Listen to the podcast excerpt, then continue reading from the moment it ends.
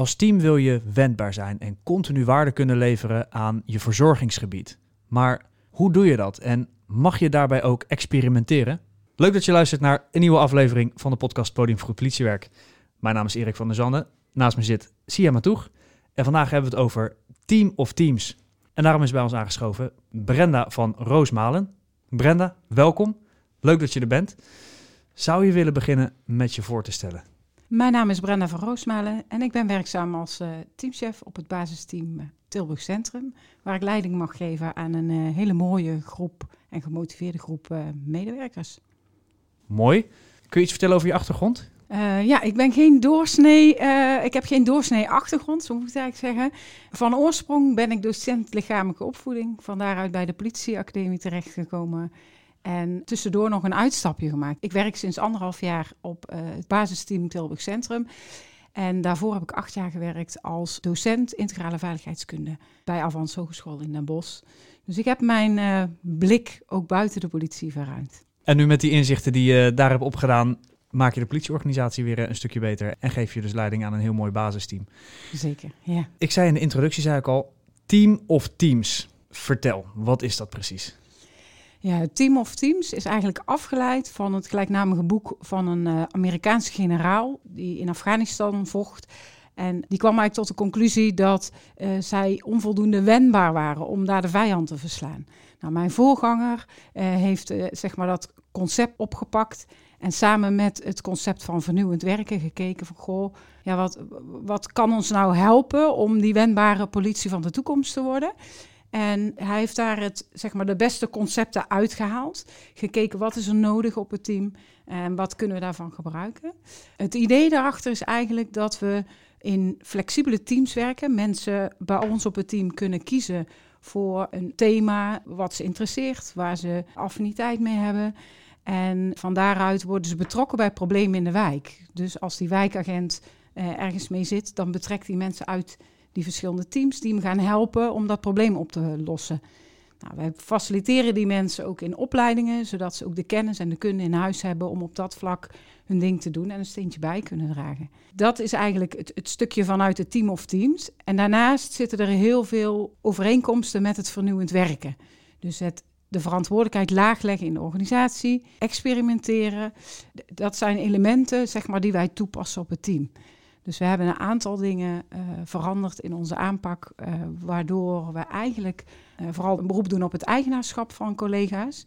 En nou ja, daardoor is zeg maar de energie wel enorm veranderd op het team. Je zegt het komt bij het Amerikaanse leger vandaan, hè, omdat ze onvoldoende wendbaar waren.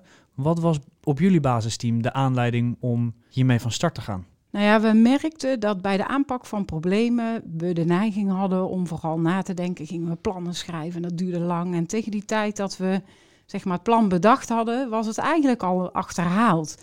En waren we alweer verder. Dus het vraagt veel meer een snelle aanpak. En daar liepen de collega's tegenaan. En van daaruit is eigenlijk gekeken van, nou, hoe kunnen we dat nou anders doen? Hoe kunnen we onszelf nou flexibeler organiseren, waardoor we wel snel kunnen reageren? Waar ik nieuwsgierig naar ben, en je geeft aan verantwoordelijkheid zo laag mogelijk leggen in de organisatie bij de medewerker zelf.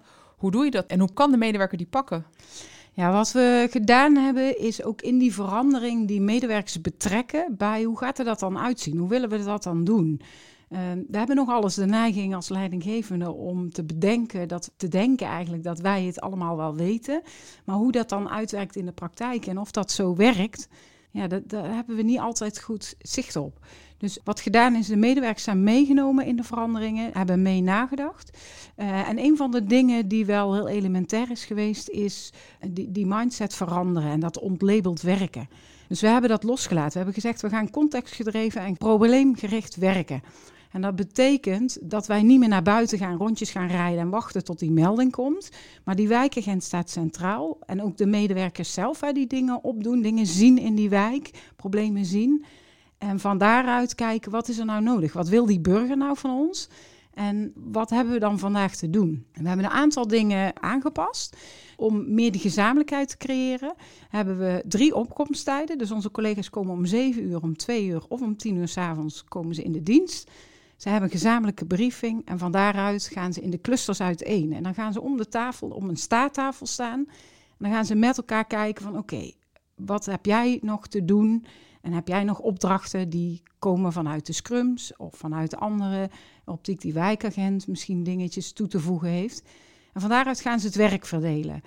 En ze gaan dan naar buiten om met die problemen aan de slag te gaan. En komt er een melding tussendoor, dan pakken ze die erbij. En dat is een wezenlijk andere mindset dan naar buiten gaan en meldingen rijden. Je gaf net aan dat medewerkers eh, een keuze kunnen maken waar hun interesse in ligt. Maar hoe heb je dat georganiseerd? Ja, wij werken met clusters. Dus we hebben een relatief klein geografische oppervlakte qua teamgebied. Dus we hebben dat verdeeld in twee geografische clusters. En dan hebben we nog een cluster VVC. En we hebben nog een front office, back office cluster. En die mensen zitten allemaal vanuit hun eigen cluster, uh, zitten ze ook nog in een team. Dus je moet je voorstellen, dat is geen team wat daarvoor vrijgemaakt wordt. Mhm. Dat is ook wel de kracht van het verhaal, want de collega's doen dat zelf. Zij nemen deel aan scrums, uh, waarbij ze kijken naar problemen in de wijk met die wijkagent, die problem owner. Gaan kijken van, goh, wat speelt er nou? Daar komen hele concrete kleine opdrachtjes uit en die nemen die collega's mee. En als ze dus op de auto stappen of veelal bij ons ook op de fiets of op de voetjes, dan gaan ze aan de slag met die opdrachten zelf. Dus het team is zeg maar echt op basis van interesse en passie. En dat is niet zozeer gekoppeld aan een vast team waarin je werkt. Want dat is tegelijkertijd ook wel weer een valkuil. Hoe is dat voor de medewerkers om zo je werk te mogen doen? Nou, we hebben gelukkig uh, hele mooie reacties gekregen. Want in het begin was het natuurlijk best wel een beetje spannend om te kijken van ja, gaat dit nou wel landen en gaat dit wel werken? En het was wel echt anders werken. En wat je zag is dat doordat je de verantwoordelijkheid laag in de organisatie weglegt, dat medewerkers hun verantwoordelijkheid gaan pakken en opstaan en zelf dingen gaan doen. Dus wij zagen al vrij snel heel veel initiatieven van collega's met ideeën van we kunnen dit doen en wat fijn dat we dat nou kunnen doen. Nou, en een van de dingen waar we het ook in terugzien is in de bereidheid van medewerkers om op ons team te komen werken. Een aantal jaar terug hadden wij nog niet het positieve imago. Een centrumteam stond bekend om hard werken, veel doen, vooral veel hollen. En dat was niet altijd, niet altijd positief, zeg maar. Ja. Uh, dus collega's stonden er niet in de rij om te komen werken bij ons op het team. En inmiddels is dat veranderd. Dus dat is voor mij wel een mooi teken om te zien dat collega's daar plezier in hebben. En ook de manier waarop ze daarover vertellen als ze op andere teams uh, zijn of als ze in de landen zijn. Ja, ja. mooi. Ja. Dat is echt belangrijk, dat je trots bent op je werkomgeving. Uh, ja, zeker. Scrum, hè? Daar zijn je mee gestart. Hoe hebben mensen dat ervaren? Want dan moet je met elkaar uh, dingen gaan delen. Of moet ik nou iedere dag uh, of wekelijks gaan verantwoorden waar ik nou mee bezig ben? Of het, de, het gedachte die je vaak krijgt, komt weer wat bij. Er moet weer wat. We moeten op een scrumbord gaan werken. Ja, ja, die reacties waren er zeker. Dus in, er is altijd een groep die dan een beetje sceptisch is en zegt van nou, ik wil het eerst nog wel eens zien. Dat past ook wel bij onze cultuur. Maar je ziet dat de wijkagenten die daarmee aan de slag zijn gegaan, vrij snel resultaat boekten. En dat maakt ook wel dat mensen ook wel gaan aanhaken daaraan. En zien van, hé, hey, maar dat is interessant. Hoe gaat dat dan? Wat we ook zien is dat zo'n wijkagent zegt van... nou, ik vind het eigenlijk wel een groot voordeel. Want doordat ik het deel, is het niet meer alleen mijn probleem in de wijk... maar denken de collega's met mij mee en hebben ze andere ideeën... zijn ze veel betrokkener bij wat er in die wijk speelt... en rijden ze geen rondjes meer, maar zijn ze veel doelgerichter bezig... Even bij die meneer langs, even daar nog navragen als er ernstige incidenten zijn geweest, dan voelen ze dat ook wel aan. Dus als die wijkagent er niet is, zijn er genoeg andere collega's die daar dan wel het stokje oppakken. Een mooi voorbeeld was een van onze wijkagenten die zei van...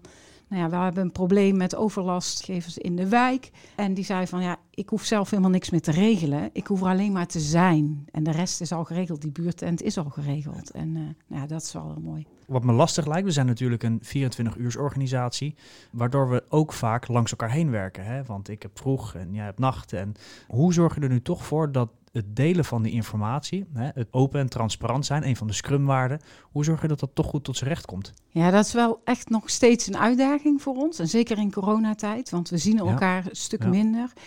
En dat delen gebeurt vooral tijdens die scrum. Maar je ziet ook wel dat mensen, de collega's elkaar wat makkelijker gaan opzoeken. Dus wat je ziet is dat als ze samen in die scrum zitten, dat ze elkaar wat makkelijker tussen de bedrijven door, zeg maar, even aan de mouw trekken. Als het gaat om het delen op het team, is dat wel een extra uitdaging. En daar hebben we wel ook een modus gezocht. En dat is ook wel een van de kenmerken zeg maar, van de manier waarop we nu werken. Vooral experimenteren. Dat er ook een club aan de slag is gegaan die zei van joh, dat loopt allemaal nog niet lekker. Die informatie, uitwisseling, die kan veel beter. En een van de resultaten is dat wij nu met die flipboarden werken. En dat wij niet meer ouderwets OPP-opdrachtjes op papier achter in die auto gooien. Maar de collega's eh, maken filmpjes, nemen dat op op zo'n flipboard. En als je in dienst komt, kun je snel verkijken. Is toch net even wat makkelijker.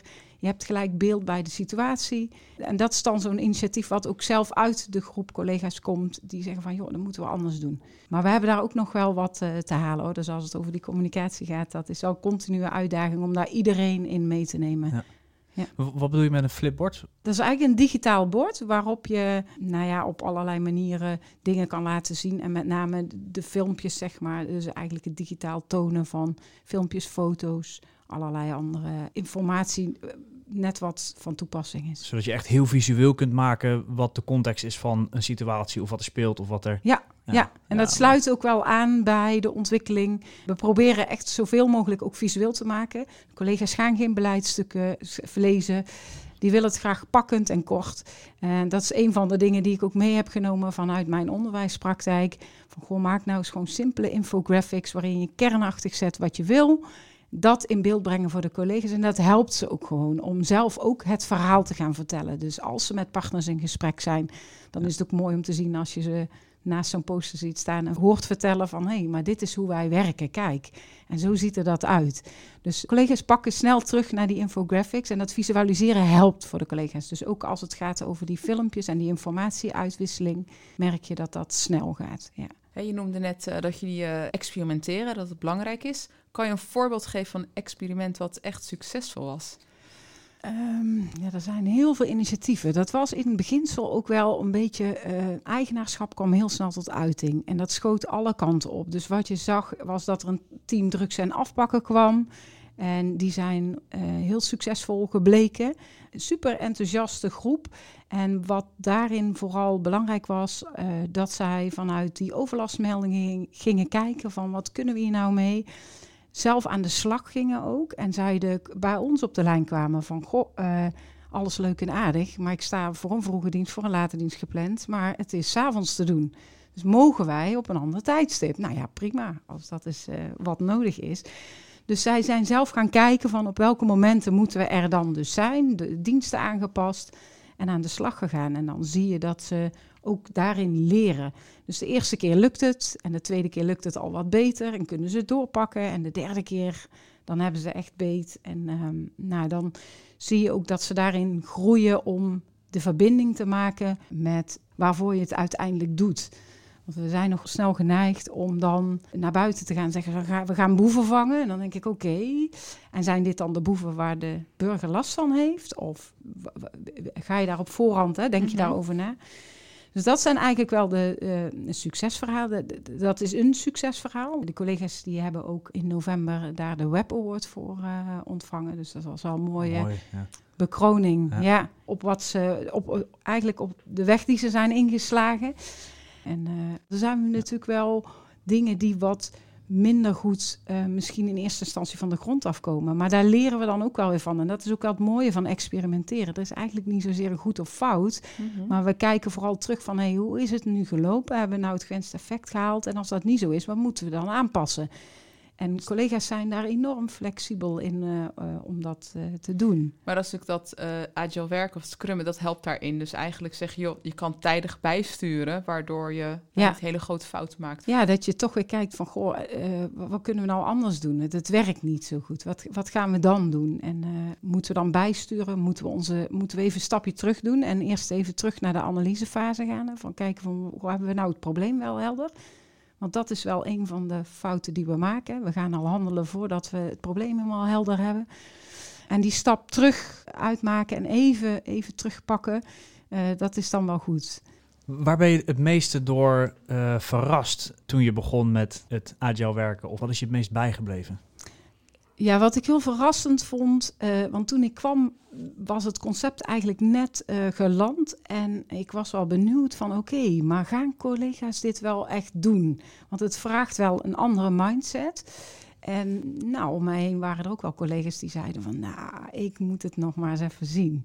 En ik vond het verrassend hoe flexibel collega's zijn en hoe makkelijk ze toch wel de, de goede kant op bewegen op het moment dat ze ook zien dat het resultaat heeft. Dus die bereidheid van collega's om te veranderen, die is er wel degelijk. Maar laat ze dan wel zien waarvoor ze het doen. En ehm, achteraf gezien is hij misschien minder toevallig dat het werkt. Volgens mij uh, zijn de collega's allemaal bij de politie gekomen met een gemeenschappelijk doel. En dat is wel heel sterk. Dus als je dat voor ogen houdt en je wil in die buitenwereld wat doen en daar het verschil maken, nou, dan krijg je ze, daar krijg je ze echt wel warm voor. Dus dat is eigenlijk wat ze zo graag willen. Maar ook zij worden afgeleid door nou, de waan van de dag en de triggers die ze krijgen.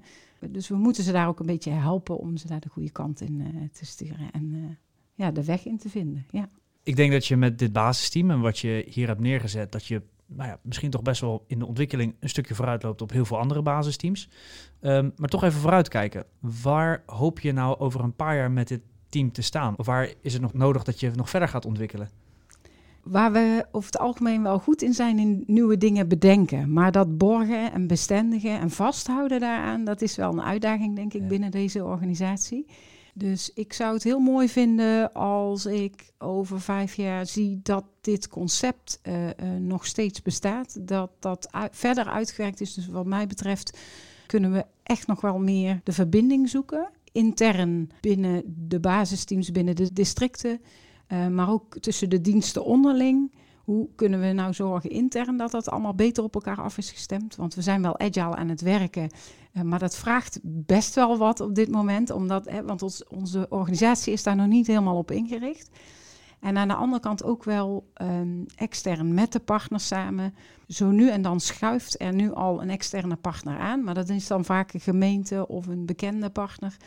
En ik zou, nou ja, mijn ideaal is wel dat we dat breder trekken. En dat we ook veel meer gaan kijken naar die, die burger daarin betrekken. Ja. Die burgerparticipatie. Ja, dat, dat, daar hebben we nog wel een, uh, een weg in te gaan. Ja. ja, agile werken focust zich heel erg op het leveren van klantwaarde. Hè? En je moet je inderdaad afvragen wie is dan de klant, wie is de afnemer. En wie bepaalt of iets wat wij doen, of dat het waarde heeft. Ja. Um, ja.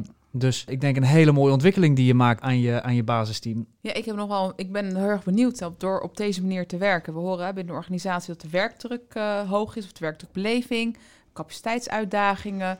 Helpt dit, ondersteunt dit uh, om in ieder geval daar wat ruimte en lucht te geven? Ja, het helpt zeker. Want wat we in het begin vooral hoor, terughoorden, ook van de collega's, was dat ze het gevoel hadden dat er veel meer mensen in dienst waren. En doordat je dingen samen doet, heb je ook het gevoel dat je er niet alleen voor staat. Dus in de beleving van de collega's uh, hadden we juist meer mensen beschikbaar voor dingen. En het maakt je ook echt flexibel. Dus je gaat veel kritischer kijken naar op welke momenten moeten we er nou zijn. En die, die tussenliggende tijd die gaan we echt benutten. Dus we zien dat ook wel echt wel terug. We zien het ook terug in de criminaliteitscijfers die dalen. We zien het terug in de memo waarop we beter scoren. We horen het gelukkig ook terug van burgers die zeggen van joh, maar dit is wel mooi. Want als wij melding doen en we zien dat jullie binnen een week op de stoep staan en het aanpakken, ja, dan heeft het ook zin om het te melden. Dus uh, nou ja, dat zijn wel de signalen waar wij heel blij mee zijn. Als er nu collega's luisteren en die denken, hier wil ik echt meer over weten, kunnen ze bij je terecht? Mogen ze contact met je opnemen? Jazeker. Ja, ja. ja. wij staan altijd open om uh, te vertellen hoe wij het toepassen. En um, nou ja, ik, het is een heel mooi verhaal. En in de praktijk lopen wij ook tegen dilemma's aan. Dus het verhaal zoals ik nu vertel, is het verhaal zoals we het uh, inrichten. En, maar ook wij lopen er tegenaan dat, dat soms dingen lukken en soms dingen nog niet zo goed lukken. Dus ik nou, ik denk dat, uh, dat we zeker van elkaar uh, kunnen leren. En ook op andere gebieden merk ik dat uh, andere teams weer voorlopen. Dus als het gaat over het scrummen binnen opsporing, nou, daar zijn wij nu mee bezig. Dus we hebben dat binnen Blauw, hebben we dat eigenlijk heel goed georganiseerd. En onze volgende stap is om dat ook door te trekken naar opsporing. Ja. Brenna, dankjewel voor je bijdrage vandaag. Wil je hier nu meer over weten? Neem dan contact op met Brenna van Roosmalen van basisteam Tilburg. Centrum. Van Tilburg Centrum. ja. Wil je hierop reageren? Dan kan het uiteraard. Neem dan contact op met Siema Toeg of met mij, Erik van der Zanden. En horen we graag van je. Volgende week dan zijn we weer terug met een nieuwe aflevering. Bedankt voor het luisteren. Tot volgende week.